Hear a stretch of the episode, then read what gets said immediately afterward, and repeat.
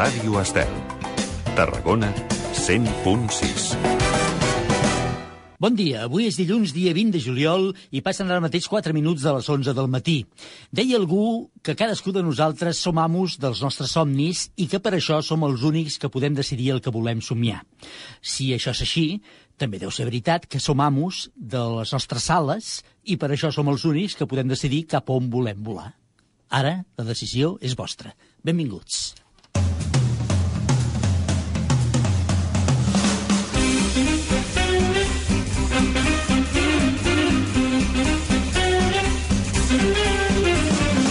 Oh, Déu meu, cada dia una llista de 10 per enriquir la nostra vida.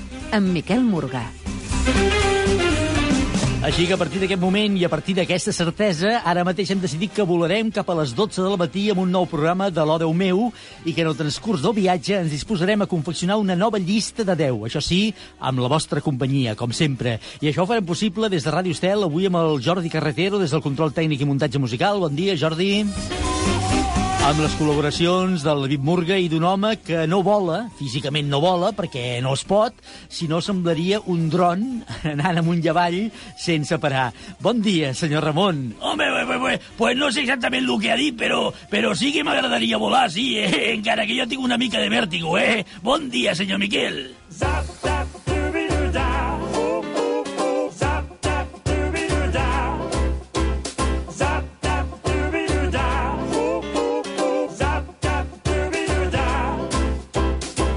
Així que li agradaria volar, eh? Home, pues, pues sí, sí, perquè li, li, li tinc que reconèixer que això de volar eh, fa una mica de por, eh? Però, però no, no, no, no, no, no por no exactament, eh? Lo que me fa és una mica de vèrtigo, eh?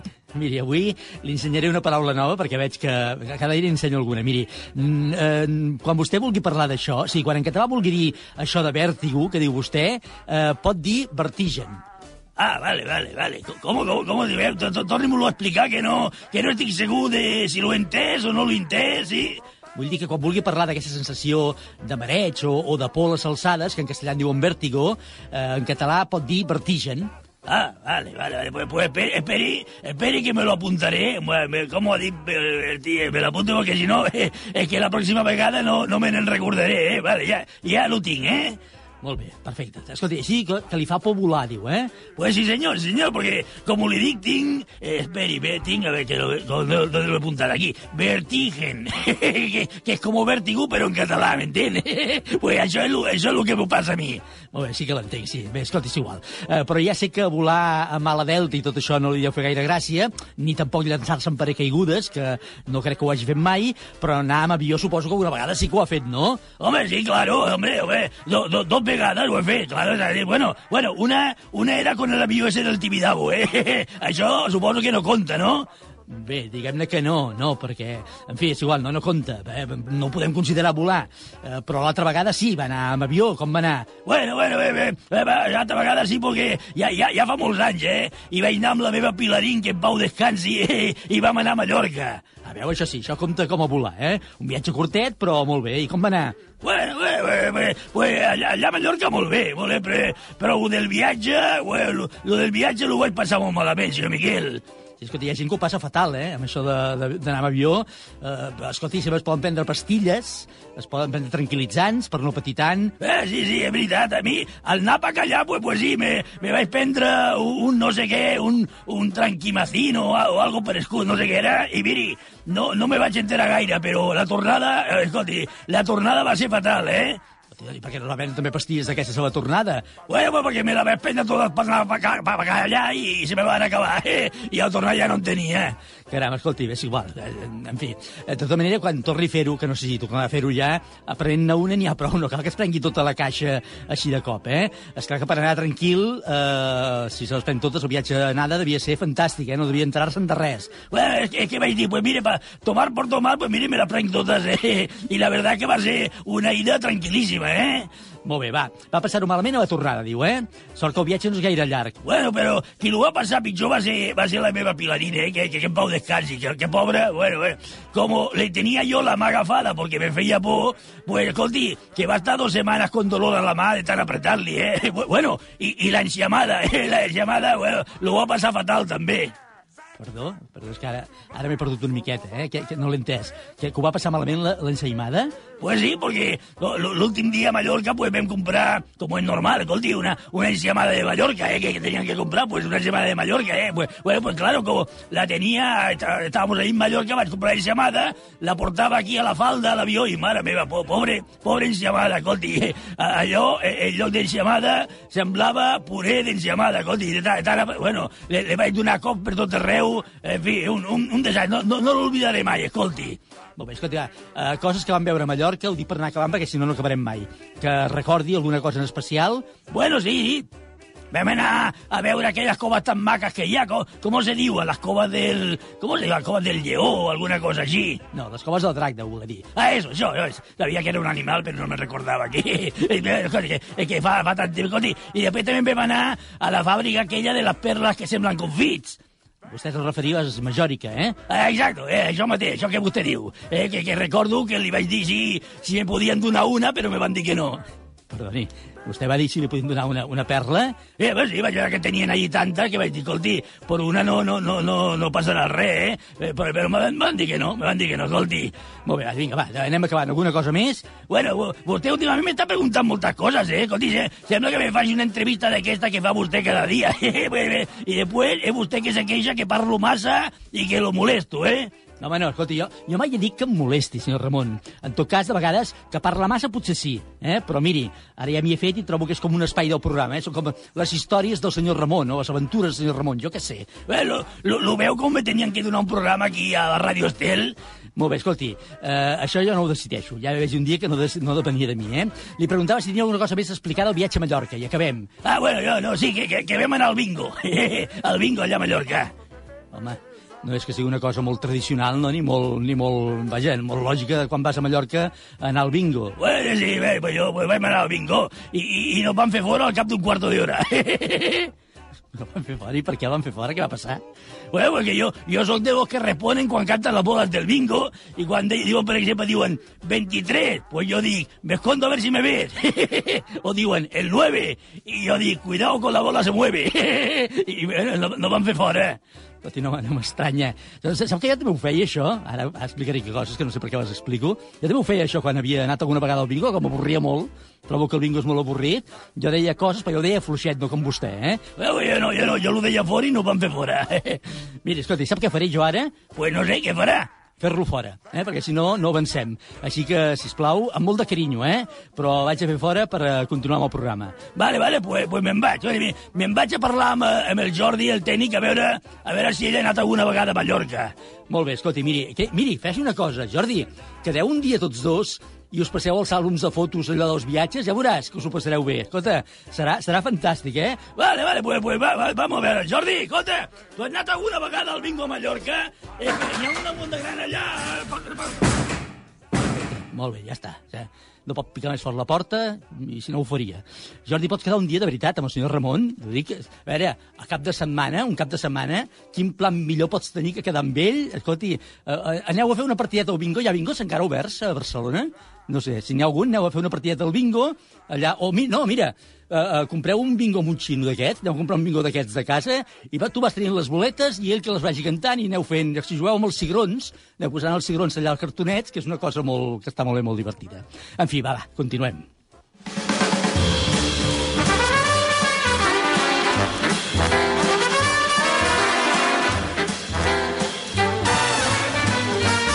En tot això, encara no us he dit, avui, eh, divendres de fet ja ho vam anunciar, això sí, quina llista és el que pretenem fer. Avui volem fer un top 10 una mica especial i dedicar-lo als espectacles familiars. Aquells espectacles que sovint es qualifiquen d'infantils i que, si bé és veritat que ho són d'infantils, més aviat els hauríem de qualificar de familiars perquè els nens rarament, rarament hi van sols i, per tant, acaben sent un espectacle que veu tota la família. Segur que alguna vegada, amb els més petits de casa, heu assistit a algun d'aquests espectacles. Ens avui ens agradarà que ens digueu, que fem memòria i ens digueu quins són els 10 espectacles familiars que més us han agradat. Així que penseu-hi o pregunteu als petits de casa, que potser us ajudaran a fer la llista d'avui, ens feu arribar les vostres opcions amb els títols d'aquests espectacles. Quins són els 10 espectacles familiars que més us han agradat, com ho fem cada dia, per ajudar-vos i posar-vos en situació, us hem preparat aquest informe.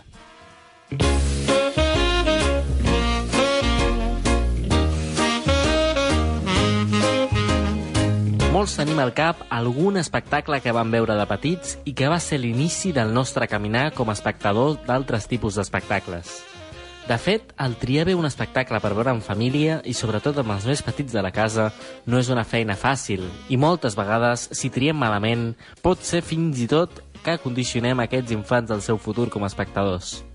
Qui no recorda, per exemple, haver anat al teatre amb l'escola o l'institut a veure algun text que ens va semblar especialment pesat o dens, i a partir d'aquí tenir sempre l'argument a punt que el teatre és pesat i avorrit. Al contrari, també, sortosament, hi trobarem molts casos aquells o aquelles que després d'anar per primera vegada al teatre n'han sortit tan entusiasmats que no només volen repetir d'immediat, sinó fins i tot poder arribar-s'hi a dedicar. Però potser que repassem el que hauríem de tenir en compte a l'hora de triar i assistir a un d'aquests espectacles en família. El primer que haureu de fer és informar-vos de l'edat recomanada segons la pròpia companyia o els organitzadors per a aquell espectacle en concret. Sovint pot ser un error fins i tot irreparable portar nens de 10 o 12 anys a espectacles que estan pensats per més petits o a l'inrevés. En qualsevol dels dos casos ens podem trobar davant la frustració d'aquests nens i un cop l'espectacle en marxa adonar-nos que ja no hi ha marxa enrere. Tinguem en compte també el gènere del que anem a veure. No és el mateix el teatre que el circ que les citelles. I no sempre ens ve de gust una cosa o una altra. La temàtica també té la seva importància. Llegiu la sinopsis. Potser hi ha temes que us interessen més pedagògicament, o per interessos potser hi ha qüestions que us interessa tractar en família i un espectacle us pot ajudar a entrar en aquest debat. Si a la família hi ha nens molt petits, també haurem de tenir en compte la durada de l'espectacle al que pretenem assistir. Hem de ser conscients que aquests menuts de la casa no aguantaran més temps concret i això serà important de cara a que a mig espectacle no comencin a fer el ronso i us facin la vida impossible, per molt bo que sigui l'espectacle al qual assistiu. Al final hi ha una cosa molt important. Sempre que sigui possible, deixeu que siguin ells qui acabin per decidir l'espectacle que aneu a veure. No cal que deixem en les seves mans tota la tria, perquè pot haver coses que no tinguin en compte o que no valorin, però si el que volem és que les criatures gaudeixin, l'última paraula ha de ser seva. Un cop aclarit això, endavant i a passar-ho bé, que per sort estem en un país on l'espectacle familiar té molt i molt bones ofertes i pot ser l'inici d'una gran amistat o un amor entre els nens i la cultura. Endavant, que ara comença l'O Déu meu. Oh, Déu meu, de dilluns a divendres d'11 a 12 del matí a Ràdio Estel.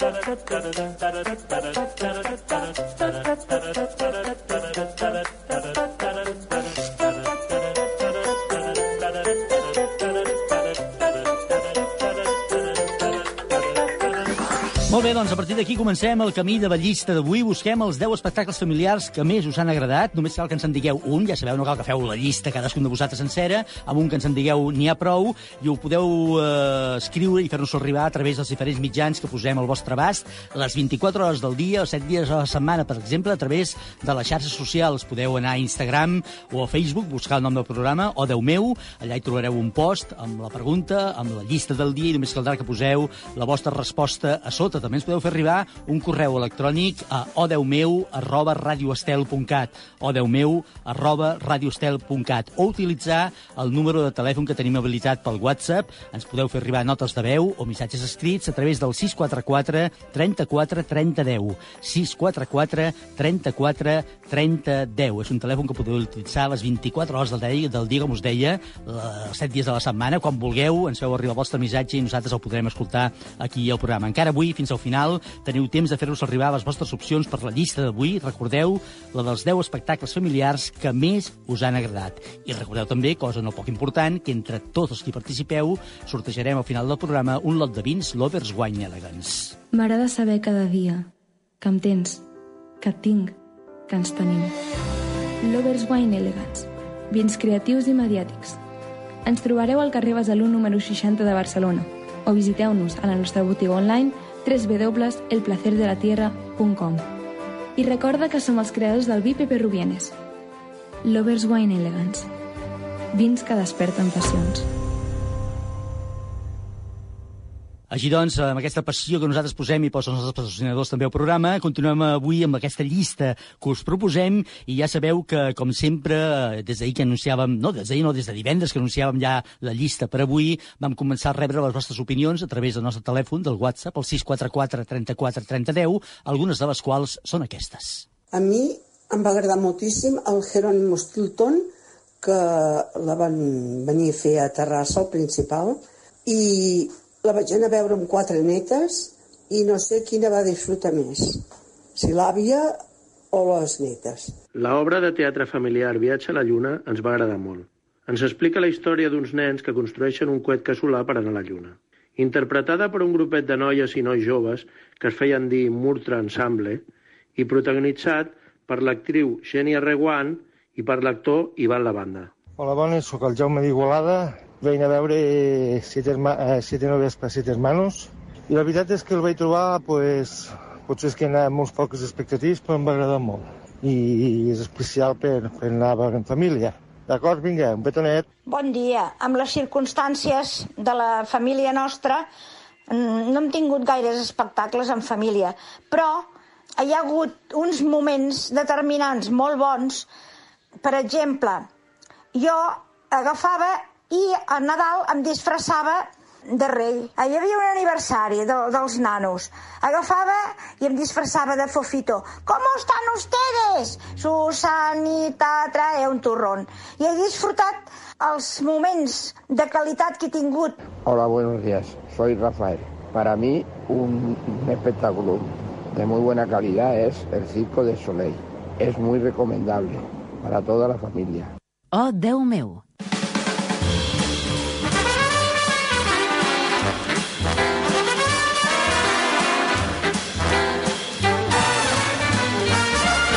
Els 10 espectacles familiars que més us han agradat. Són els que busquem avui per la nostra llista de 10. I ara posarem música a aquesta llista. Ja sabeu que cada dia ho fem. I avui aquesta música ens transporta directament a les cançons dels Pets i un tema que aposta precisament per l'espectacle i tal com resa el seu nom, això és espectacle. Matí gris es comença a veure el fred acaba amb l'escalfor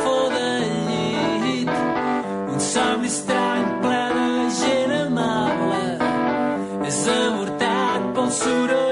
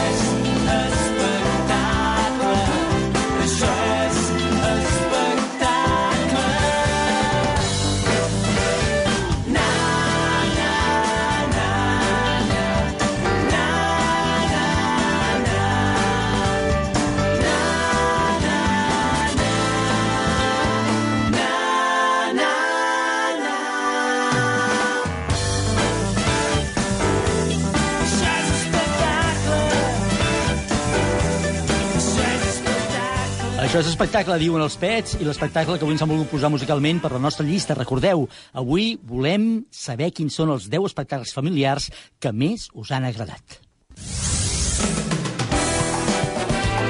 Ràdio Estel.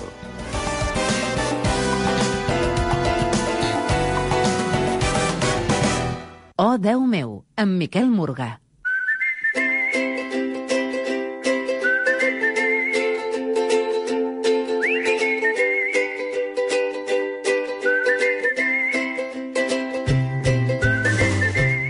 L'Odeu meu de Ràdio Estel, estem fent la llista dels 10 espectacles familiars que més us han agradat. Encara teniu temps de fer-nos arribar les vostres opcions fins al final del programa. I hem pensat que bo seria avui, que tenim els espectacles familiars com a referents, que en parléssim i féssim un repàs de com està el panorama d'aquest tipus d'espectacles i, sobretot, com es preveu que quedi després d'aquest període d'impàs del qual encara tothom n'està patint les conseqüències. En farem un repàs, analitzarem com ha de ser i què ha de tenir un espectacle per poder-se considerar familiar i quines haurien de ser, si és que existeixen, les claus de l'èxit.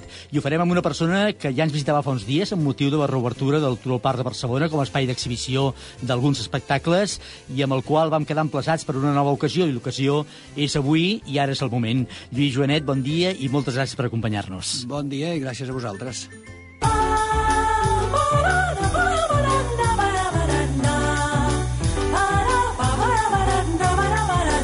Lluís Joanet és el director artístic i màxim responsable de totes les creacions i activitats fetes des de Viu al Teatre, una plataforma per al desenvolupament de la creació escènica per a públic familiar i la primera infància. Aposten des de ja fa molts anys per les arts escèniques inclusives com a eina de comunicació d'idees i emocions per afavorir el diàleg intergeneracional. Són els responsables, entre d'altres moltes, de la programació del Teatre Familiar o Petit Romer, que cada temporada ocupa el Teatre del carrer de l'Hospital de Barcelona i que s'ha guanyat el respecte i admiració de públic i premsa especialitzada i, per tant, convindríem, Lluís, per començar, que aquest dit teatre familiar o espectacles en general familiars són la clau pel futur d'aquest, de, de, vaja, del mateix teatre, el teatre en si. És a dir, vull dir que si formen part de l'educació dels nens actuals, del públic actual més jove, acabarà sent el públic del futur. Sí, o no sempre és així? Nosaltres, sí, nosaltres pensem que, que el públic del, te, del, del teatre familiar ja és el públic de, de teatre. És a dir, lògicament, qualsevol cosa que ens acostumem a anar i a fer de, quan som petits, doncs després quan som grans eh, les, la continuem. No tothom, però sí que eh, la majoria de persones que ja de petits han viscut i han anat al teatre, i han vist espectacles, i han anat a les fires, i han anat a tots aquests llocs, doncs lògicament després eh, això continua un cop són... Normalment hi ha una hi ha una, una etapa de l'adolescència que igual els perdem una mica, això és una, una discussió àmplia que hi ha en el sector. Que hi ha, hi ha un moment que desapareix. Va. Sí, el teatre per joves, que no, no s'ha acabat de trobar, no hem acabat de trobar. De fet, nosaltres al teatre per joves no ens hi hem dedicat massa gens, però en el sector en general hi ha aquesta franja a partir de 10-12 anys fins a 18 que, que igual els perdem, no? Que s'estan fent esforços perquè hi hagi espectacles que els hi puguin interessar, però és difícil, és difícil realment. No? Uh -huh. Jo crec que tota la llavor que es posi de, de petits doncs després farà que quan siguin inclús adolescents ens hi puguin contenar, si fem espectacles que siguin adequats per ells, que ells s'ho passin bé. Uh -huh. Que de fet aquesta és la, la, l'essència de qualsevol espectacle. És a dir, si el públic s'ho passa bé, si el públic disfruta, si el públic ho recomana els veïns, els amics i a qui faci falta, doncs l'èxit està aquí. És Ara anirem entrant en tots aquests detalls. Hi ha qui diu, però hi ha qui aposta més... Per... És a dir, hi ha qui diu, o qui afirma, que els nens no fan el que els hi dius, sinó que fan el que veuen que fas. Per tant, eh, si això ho apliquem al teatre, sí. serà important que els pares, o els tutors, o els familiars, o els amics, vagin amb ells al teatre. És a dir, que sí, vegin sí. que els grans van al teatre, esclar, eh? esclar. no que els envies al teatre. No, no, no està clar. Està clar eh? que, que, a veure, nosaltres amb l'experiència d'aquests 18 anys, eh, les, les, el, el teatre nostre que nosaltres hem fet sempre ve amb, les famílies, no? O sigui, i, i hi han hi ha molts casos i moltes anècdotes molt curioses d'aquest venir en família, no? Per exemple, Eh, un exemple que és molt clar, que un dia un, uns pares em deien al sortir de veure el petit Dalí, em deien, diu, ostres, diu, a part de que ens ho hem passat molt bé, diu, és la primera vegada que he pogut parlar amb el meu fill de 7 anys sobre la figura del Dalí i ho he entès perquè després de veure l'espectacle m'ha sigut més fàcil. O sigui, una mica aquesta seria la l'essència, no? que, que, es pugui, que es pugui parlar amb els, amb, els, amb els nens i amb les nenes de, de tots aquests temes que millor de cara als pares, doncs, si no, si no hi ha un referent o no hi ha una manera d'explicar-ho, doncs, i el teatre familiar serveix per això. Hi ha, per exemple, alguns espectacles que, que parlen sobre la mort, per exemple, no? que mm -hmm. diuen, no, però parlar de la mort als nens... Doncs sí, doncs sí, perquè la mort la tenim aquí al costat, i ara més que mai, i per tant, doncs hi ha hagut espectacles molt interessants que, que han parlat, han parlat d'aquest tema. Sempre des d'un llenguatge entenedor i que, que els nens i les nenes puguin entendre allò que els estàs explicant i a la vegada els faci reflexionar, no? Interessantíssim tot això. Deixa'm fer un parèntesi, ara tornem Sí. a això, eh? Però uh, l'altre dia que ens visitaves ens vinies a explicar sobretot de la reobertura, del retorn a l'activitat artística d'un parc de Barcelona, en aquell Sí. cas concret, però que ho posàvem com a mostra del que podia passar a molts llocs de Catalunya, que era el Troparc. Troparc, sí, sí. Com ha anat? Com va anar la reobertura? Com ha, anat, ha anat molt bé, ha anat molt bé, realment estem molt contents. Uh, teníem, teníem certa, certa recança i certes, uh, certes pors, perquè, clar, amb les circumstàncies actuals doncs hem de cuidar moltíssim les mesures de seguretat, que ja ho hem fet, hem de, de vetllar l'espai, hem d'aconseguir doncs, una entrada i una sortida, les cadires han de tenir per unitat familiar unes distàncies, però haig de dir que eh, nosaltres hem fet el, tot l'esforç per la nostra part, però també haig de dir que el, el públic s'ha comportat superbé, Sí, eh? que la gent ho ha entès i que la gent s'ho ha passat bé, la gent té ganes de, de veure espectacles. No? No, la I- sensació no és que quan a la gent li expliques com va, la gent ho, Sí. ho compleix. És dir, el problema és quan la gent Sí. no sap ben bé Sí. què ha de fer. Eh? Sí, si, si organitzes bé, és a dir, en el, en el nostre cas nosaltres hem posat cartells per tot arreu, hi ha una persona a l'entrada, una persona a la sortida, dues persones de, de recolzament, doncs perquè, jo que sé, per exemple, si, si a mig espectacle, cada vegada es passa, hi ha algun nen que es cansa, o jo que sé, i s'aixequen i se'n van, doncs se'n van per la sortida, desinfectem les cadires, i si hi ha persones esperant-se que s'ha donat el cas, doncs poden entrar en aquestes cadires que han quedat buides. En fi, totes aquestes coses, si la gent veu que estàs organitzat i que saps el que estàs fent, doncs eh, la desinfecció de mans, en fi, tenim mascaretes per si algú, mm, tothom ve amb mascareta, però si algú vingués sense, li proveïm una mascareta.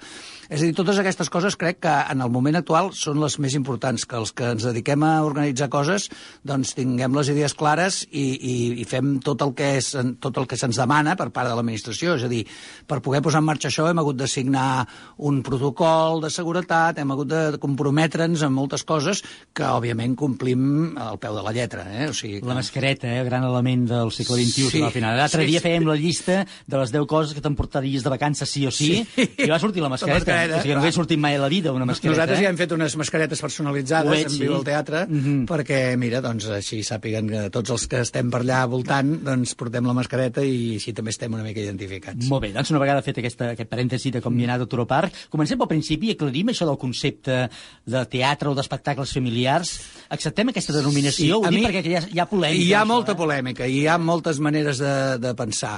Jo, personalment, eh, és una qüestió molt meva, crec que el teatre familiar és la definició que més s'ajusta a la realitat.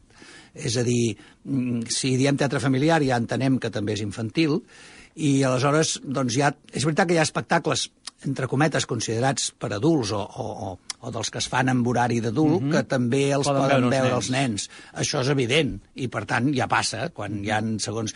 I després també depèn dels nens, és a dir, cada, cada nen té una evolució una evolució emocional diferent, i aleshores, doncs, potser hi ha nens de 7-8 anys que, que tenen aquesta, han fet aquesta evolució i, i mentalment estan molt desenvolupats i poden anar a veure segons quins espectacles. Aquest, aquí està el criteri dels, dels pares i les mares i els tutors i, i tothom que porta els nens al teatre, no? Saber què portes a veure. Jo, quan portava el meu fill, que era petit, al teatre, doncs, doncs primer m'im- m'im- m'im- m'imaginava què, què anàvem a veure o m'informava de què anàvem a veure, és que no em sortia a l'informar. I és una mica el que hem dit al principi, l'informe que, hem, que hem preparat, que és important que els pares sàpiguen exactament Clar. abans de portar el nen al teatre I- i això- què dura, quin gènere és, què van a veure. I això haig de dir que, que és veritat que cada vegada més, Passa més, eh? és a dir, cada vegada més la gent s'informa, la gent pregunta i la gent ve al teatre amb, amb, amb totes les seves conseqüències, que això ens, ens alegra moltíssim. Home, no és el mateix, de tota manera, un espectacle per un nen, posem per cas de, ara tu deies, de 8, 10 anys, 12 anys, que un nen més petit, de 3 o 4 anys, eh? El, el Teatre per Nadons, eh, nosaltres, És és un descobriment que nosaltres també vam fer, i en el seu moment, sobretot de la mà de, de la Gisela, quan la Gisela va ser mare, la Gisela, la meva filla, que és la nostra cap de producció i bé, és la jefa ja ara mateix. Mm -hmm. I per tant, doncs, e- ella va ser mare i en aquell moment ella va tenir com la necessitat de, de crear alguna cosa mm, doncs, per, per, pels nadons, no? I, I una mica al començament, sobretot quan deies estem pensant i estem creant un teatre per nadons, ens miraven com dient aquests s'han begut l'enteniment, no saben el que fan.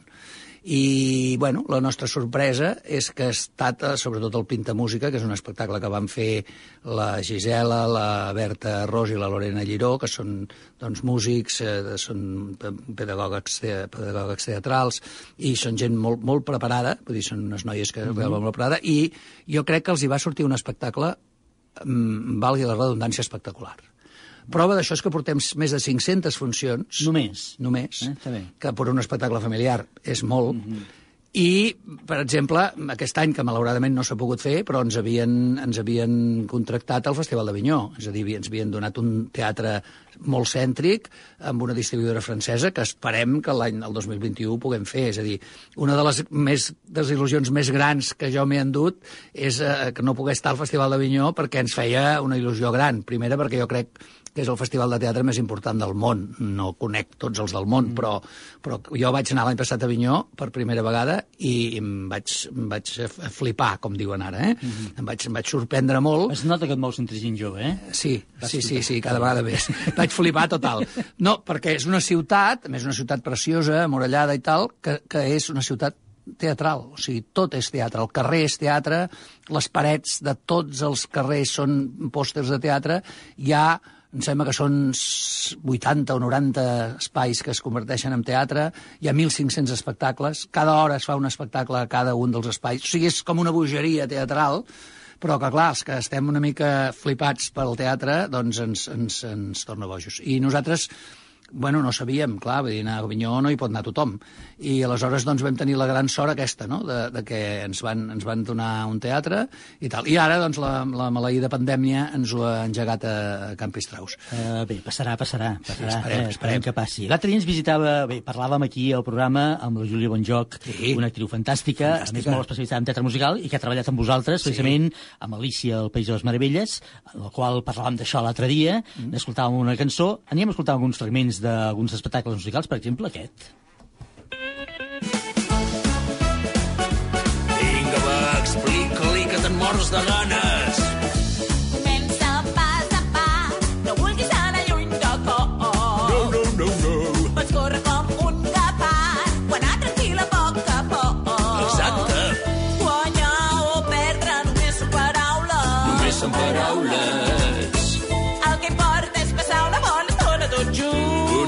Tot junts. Sabia que cantes! Gràcies, tothom ho diu. Sovint les coses no són com ens pensem que són. Com ens pensem que són. És un fragment d'Alicia, el País de les Meravelles, un dels espectacles que ha causat sensació aquesta volta... Bé, ja fa un parell de temporades eh, que esteu sí, voltant sí, i que... estem, estem voltant, hem, hem anat eh, a molts teatres de, de Catalunya i la veritat és que, a veure, és un espectacle que per nosaltres ha significat un, fer una passa endavant, és a dir, treballar molt amb les noves tecnologies, que penso que també és obligació dels que, dels que fem teatre adaptar-nos als nous temps, perquè la canalla, precisament, doncs, tot això és el que té més per la mà, i aleshores doncs, tota, la, tota l'escenografia d'Alícia és amb, a través de mapping, en fi, amb una feina doncs, molt important dels quatre actors, el director Jordi Andújar, de The Silence, que ha fet tota la cosa, tota la cosa de vídeo, el Queco Pujol, que ha fet les cançons...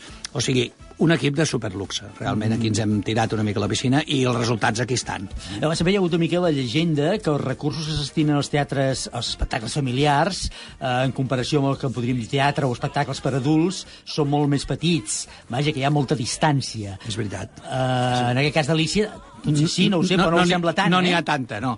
Bé, nosaltres lluitem per això. És a dir, una de les lluites que hem tingut des del primer moment a Viu al Teatre ha estat posar el teatre infantil o familiar a l'alçada del teatre d'adults. És a dir, és teatre igual, són actors igual, són músics igual, són, són escenògrafs igual.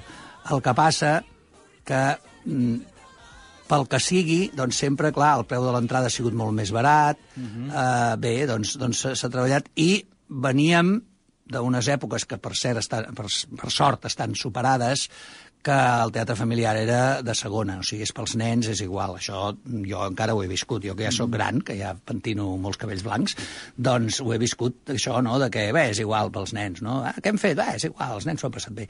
Vull dir, hi havia aquest concepte. Llavors això, des de ja fa molts anys, eh? o sigui, no, no, no és, no és d'abans d'ahir, ja s'ha superat i realment ara hi ha companyies de teatre familiar amb un nivell extraordinari. O sigui, mm -hmm. vull dir, hi ha, hi ha moltes companyies, potser masses, però això ja és una cosa que no podem, no podem regular, però hi ha companyies realment eh, arreu de Catalunya.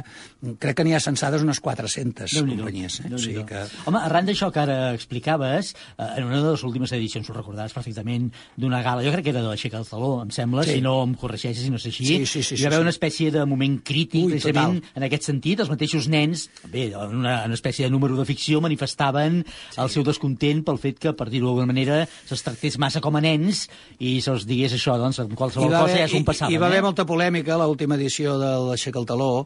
Uh, bé, perquè aquestes coses, de vegades, jo crec que la intenció dels que ho van fer no era, no era fer mal a ningú ni, ni parlar malament, però a vegades el, el gran problema que té el teatre familiar és el desconeixement. És a dir, el desconeixement per una part molt important de la professió, que aleshores, sense voler, es cau amb aquestes coses de dir... No? I, I clar, es van, es van caure amb alguns tòpics que sempre són perillosos i més posats a dalt d'un escenari com el del Liceu, i clar, hi va haver molta gent que ens vam rebotar una mica. Jo, personalment, a mi no em va semblar tan malament, però després ho analitzes i dius, home, en aquell moment en allà, no? Mira, però després, clar, ho van passar per la televisió, la gent s'ho va gravar, llavors aquestes coses tenen perill. És a dir, eh, en definitiva, la conclusió tot plegat és que aquell acte de reflexió, que al final no deixava de ser Sí. un acte de reflexió, ha tingut alguna conseqüència? No. Eh, no, no, eh? No, aquestes coses, malauradament, malauradament, eh, passen, i demà tothom ara, tothom escriu al Facebook i escriu d'allò, no hi ha dret, no sé què, però després tot segueix igual, perquè és, és realment és que és molt difícil. O sigui, fixem-hi ara amb tot això que està passant i, i no sabem ben bé què, què, què s'ha de fer ni com hem d'anar, no? Vull dir, la lluita per obrir, per exemple, el Turoparc, no? Ha estat, ha estat titànica, no? Ha estat un esforç de, perquè nosaltres som caparruts i aleshores has d'estar allà i has d'estar i, i, i t'estan vigilant, diguem-ne, constantment, no? Perquè Bé, co costa molt que les coses... El, canviar les coses sempre és molt difícil. Jo crec que les coses es canvien eh, intentant fer la feina el més polida i el més ben feta possible i és la manera que tens de demostrar que allò funciona. I quan ho fas així, doncs, bueno, potser a nosaltres ens ha passat una mica, no? Jo recordo una persona, diguem-ne, molt entesa en teatre de, de, de, de la primera infància, que va venir a veure l'estrena de Pinta Música, i ens va dir oh, sí, aquest espectacle està molt bé, però no hi ha mercat, no treballareu. Portem 500 funcions. Mm -hmm. Està tot dit. És a dir, de vegades aquestes coses, doncs...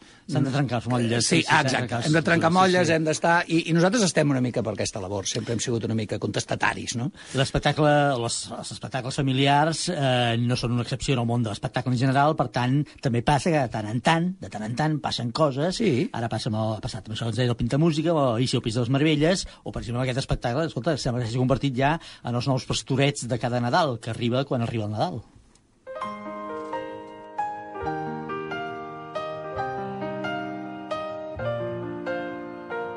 Així és com ho recordo. Va ser un nen que estava perdut al desert i amb la seva manera d'entendre les coses de cop se'n va obrir un univers. Potser només va ser un somni a causa dels deliris de les set. Però alguna cosa dins meu es va moure al sentir la rialla d'aquell nen. I allà vaig aprendre que tot depèn de mi i que tots tenim un petit príncep a dins. Només cal voler-lo sentir. Quina fantàstica història del Petit Príncep, eh? Ja com a llibre, evidentment, que ha format Sí. part de la vida de tots, i això Sí. deu ser part de l'èxit, no? Eh, esclar, el petit, però el Petit Príncep és, bueno, és d'aquelles coses que dèiem, no és aquelles troballes, aquelles troballes que, que eh, la gràcia del teatre és aquesta, que no saps per què, no? Per què doncs, el mètode Broncolon en el seu dia va, va tenir l'èxit que va tenir, doncs mira, perquè no se sap. I amb el Patri Musical ha passat igual, crec que ja són sis temporades o cinc temporades que porten fent-ho cada Nadal. I per tant, doncs, però perquè és que és un espectacle que està molt aconseguit i està molt ben interpretat, està molt ben dirigit i està molt ben fet. I ja està, i no hi ha res a dir.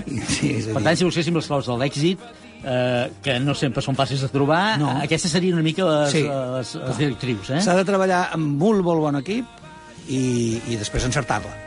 O sigui, hi ha tota una sèrie de coses, és dir, un bon guionista, una bona dramatúrgia, una bona música, una bona escenografia, una bona interpretació, una bona direcció, i després encertar-la. Que aquesta part de l'encertar-la és... És la que no controlem, Si l'encerto, l'endevino. No? I això, tu que també has fet teatre, saps perfectament que de vegades hi ha fenòmens i coses que dius ostres, això, doncs mira, jo no em pensava, no? Doncs, bueno, eh, eh, és així. De fet, aquesta és la grandesa del, del, del nostre ofici, no?, del teatre. Que, que, bueno, que no saps, vai, què passarà. Els musicals, igual que els espectacles teatrals també, eh, per adults, eh, eh, també han tingut un increment, els musicals en si, de moltes propostes últimament a la cartellera, no només sí. a Madrid, que això diuen que passa molt a Madrid, però també, Sí, també a Barcelona. Barcelona eh? també, també. De, de fet, aquí a Catalunya teníem antecedents, que jo no sé si tenen molt a veure amb això. Ah, si féssim una mica marxa enrere amb el temps, trobaríem, eh, no com a espectacles teatrals, però sí com a espectacles musicals i molt dedicats als nens, doncs aniríem a parar noms com Xesco Boix o l'Ada l'Ada Bo o molts altres noms. Bueno, això, de fet, és un, un avanç que ens ha d'haver comptat una mica, no? Tot això, sí, tot això ve d'aquest moment, el moment que, que va començar aquí la, els ajuntaments democràtics i tot això, mm. que aleshores va sortir els 16 jutges, dels 16 jutges va sortir també gent que feia molt... Els 16 jutges feien cançó, mm. diguem-ne, per tothom, però van sortir doncs, tot el Noi Ribas, el Cesc que són de la primera, de la primera volada de- d'animadors infantils, no? I sí, sí, és clar, això és una mica la, la llavor, jo crec, de, de tot això.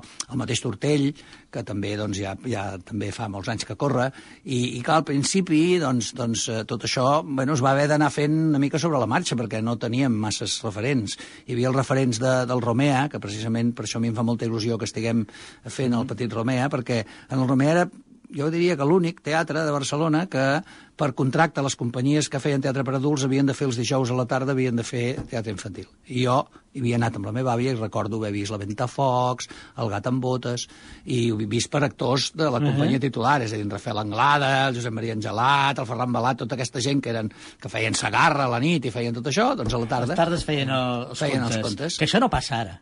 No.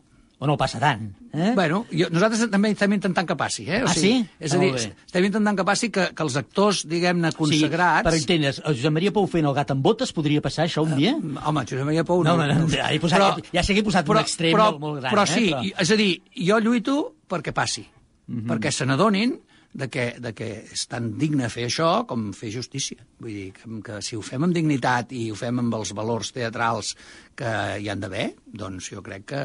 I, I aquí estem, no? I que els directors, diguem-ne, d'adults també s'atreveixin a dirigir. De fet, amb l'Alícia, la dramaturgia l'ha fet la Marta Butxaca, que no havia escrit mai res de, de familiar i està encantada de la vida, i nosaltres també, perquè és un molt bon text. Vull dir, clar, fet per una dramaturga de veritat. I aleshores, doncs, bé, vull dir, clar, mm, això, jo, crec, jo crec que això es nota. Després t'agradarà més o menys, però, però està clar que la dramaturgia està feta de, des, de, des del punt de vista d'una persona professional d'això. No? Ara sortien alguns noms, sortia Noé Ribas, sortia, Xesco Boix, o Sara Badabó, eh, com a inicis de la cançó del món musical destinat als més petits, a la família, ara si haguéssim de posar un nom d'una cantant o d'un cantant actual que arrasa cada vegada que ve a Barcelona, bé, i allà on va, és el de Damari Gilabert. Si el que vols és passar-t'ho bé amb el cos i veuràs com et sents et naix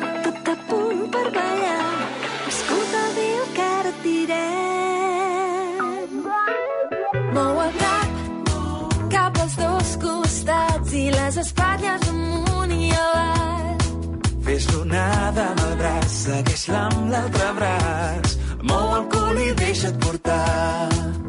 ho pots sentir Es fa fa unes dècades cantàvem el Deu pometes del pomer, que Sí. està molt bé, i que està molt bé, Sí. que jo sé que la continuen cantant, eh? però ara s'imposen més aquests ritmes més actuals Sí. i moderns, eh?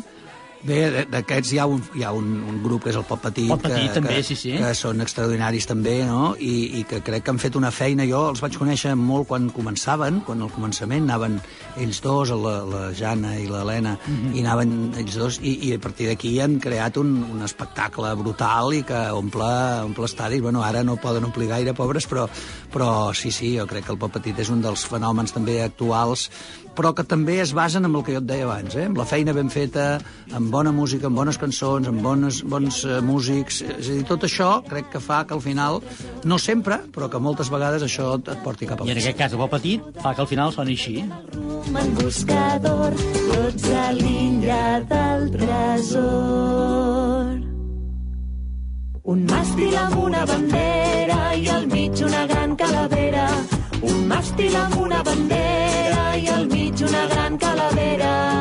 Tenia tantes coses, he fet un guió molt llarg i ara resulta que no podem fer res perquè hem d'acabar, hem de, ho hem de deixar per un altre dia. Bueno, doncs vinga, quan vulguis. Fem una altra sessió. Farem una altra sessió. Fem la segona part La segona eh, de part, l'espectacle. quan vulguis. Eh, en tot cas, eh, Lluís, eh, Joanet, moltes gràcies per haver-nos visitat. Gràcies Molta sort amb els, eh, totes les iniciatives que emprengueu des de Viu al Teatre. Aquí estem. Que sé que la il·lusió hi és molta. I és, i és. I que tot això que ha passat sigui un mal pas que no haguem de tornar a passar mai més. Eh? Esperem, esperem que, no, que les coses es vagin adreçant i que puguem tornar-nos a veure els teatres plens i sense mascaretes i totes aquestes coses. Crec Ah. que encara falta una miqueta, però que ho, ho lograrem. No et preguntaré ara, perquè et posaríem un compromís, a més a més no, no estaria bé que et digués, escolta, quin espectacle familiar posaries a la nostra llista d'avui, perquè clar, et poso un compromís massa, massa d'això, però, però sí, no, no diguis un títol, però digue'm tres ingredients que hauria de tenir un espectacle perquè el posessis a la llista d'avui. I així acabem. Doncs mira, jo et diria... eh, De fet, ja, ja, ja t'ho he, dit ja, ja miqueta, he dit sí. una miqueta. Eh? Eh. És a dir, un bon guió, la, la, la dramatúrgia crec que és la primera base important, i després una bona direcció i una bona música. És a dir, si n'haig de agafar tres, em Aquestes quedo tres. amb aquests. Eh? Doncs amb aquestes tres directrius trieu vosaltres els que penseu que voleu posar a la llista de 10. Busquem els 10 espectacles eh, familiars que més us han agradat. Gràcies, Lluís. Fins aviat. Gràcies a vosaltres. De lluny senten un crit, ja han trobat el seu amic. Es reuneixen tots plegats, amb les pales carregats. Ja han trobat el seu tresor, no ha estat pas qüestió de sort. Han seguit, no s'han rendit, i així ho han aconseguit. Oh, Déu meu, cada dia una llista de 10 per enriquir la nostra vida.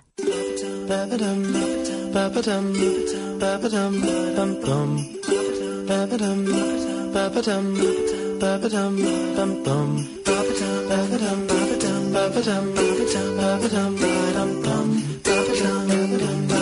ba-ba-dum.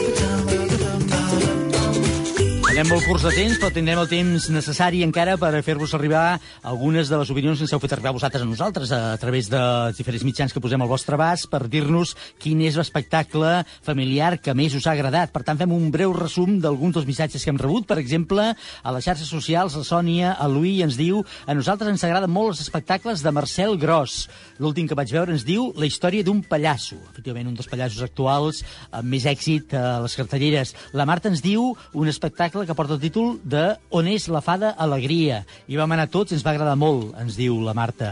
El Pere Estany eh, comenta si teniu nens petits a casa no us perdeu Pinta Música. Mira, precisament un dels espectacles que ens comentava el Lluís Genet fa una estona. Ens diu és extraordinari. És un espectacle pels més petits, eh? per nens de 3, 2, 3, 4 anys. Per tant, pels més petits de casa, del tot, els nadons, gairebé. La Maribel ens diu el Circ Reluí, un orgull que siguin d'aquí.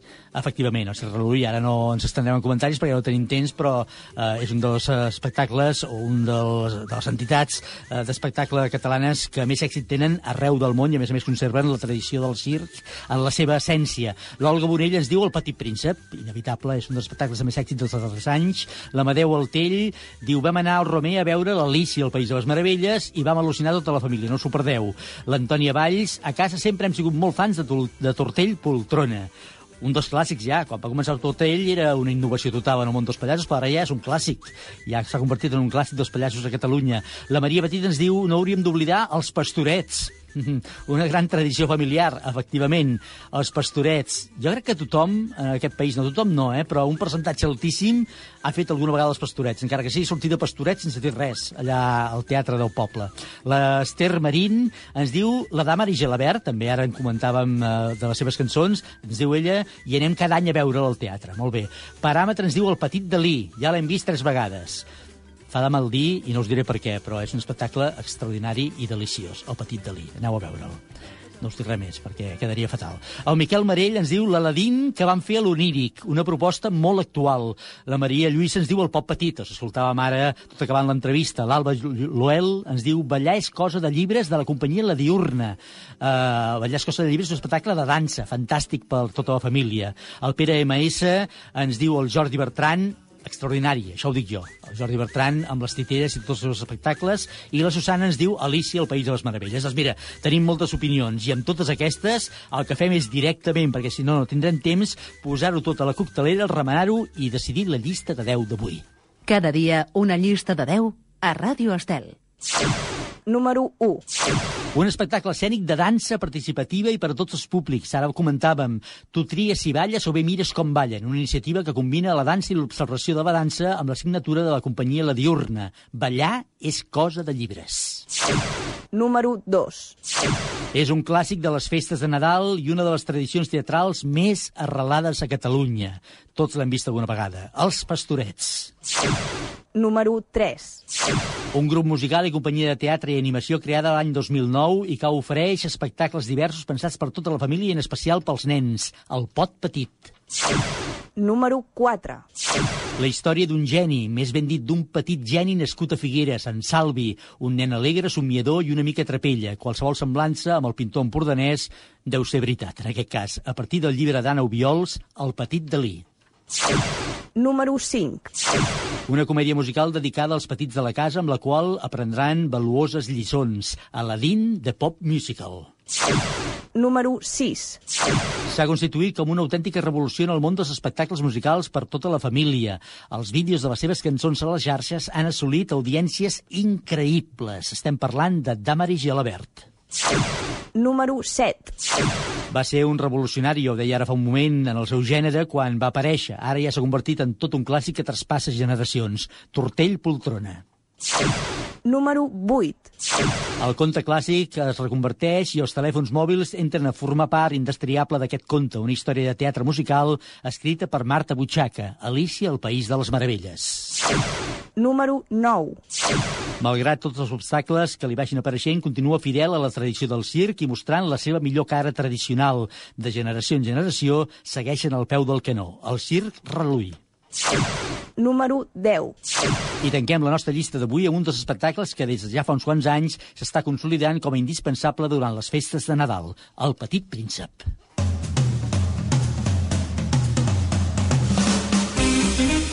Doncs ja tenim aquesta llista dificilíssim, com cada dia triar-ne només 10. L'avui, aquest lot de vins Lovers Wine Elegance, que donem a alguna persona que hi hagi participat, l'enviem cap a l'Ester Marín, que ens ha dit la dama i Gilabert, i anem cada any, ens deia. Doncs ara, aquest any, tindràs lot de vins Lovers Wine Elegance.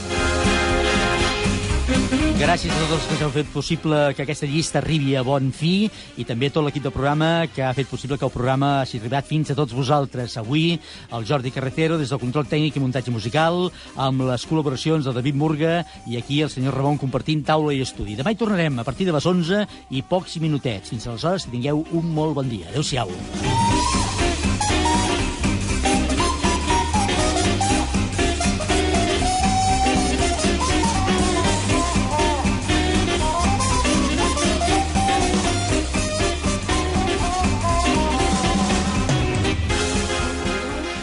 Oh, Déu meu, amb Miquel Morgà.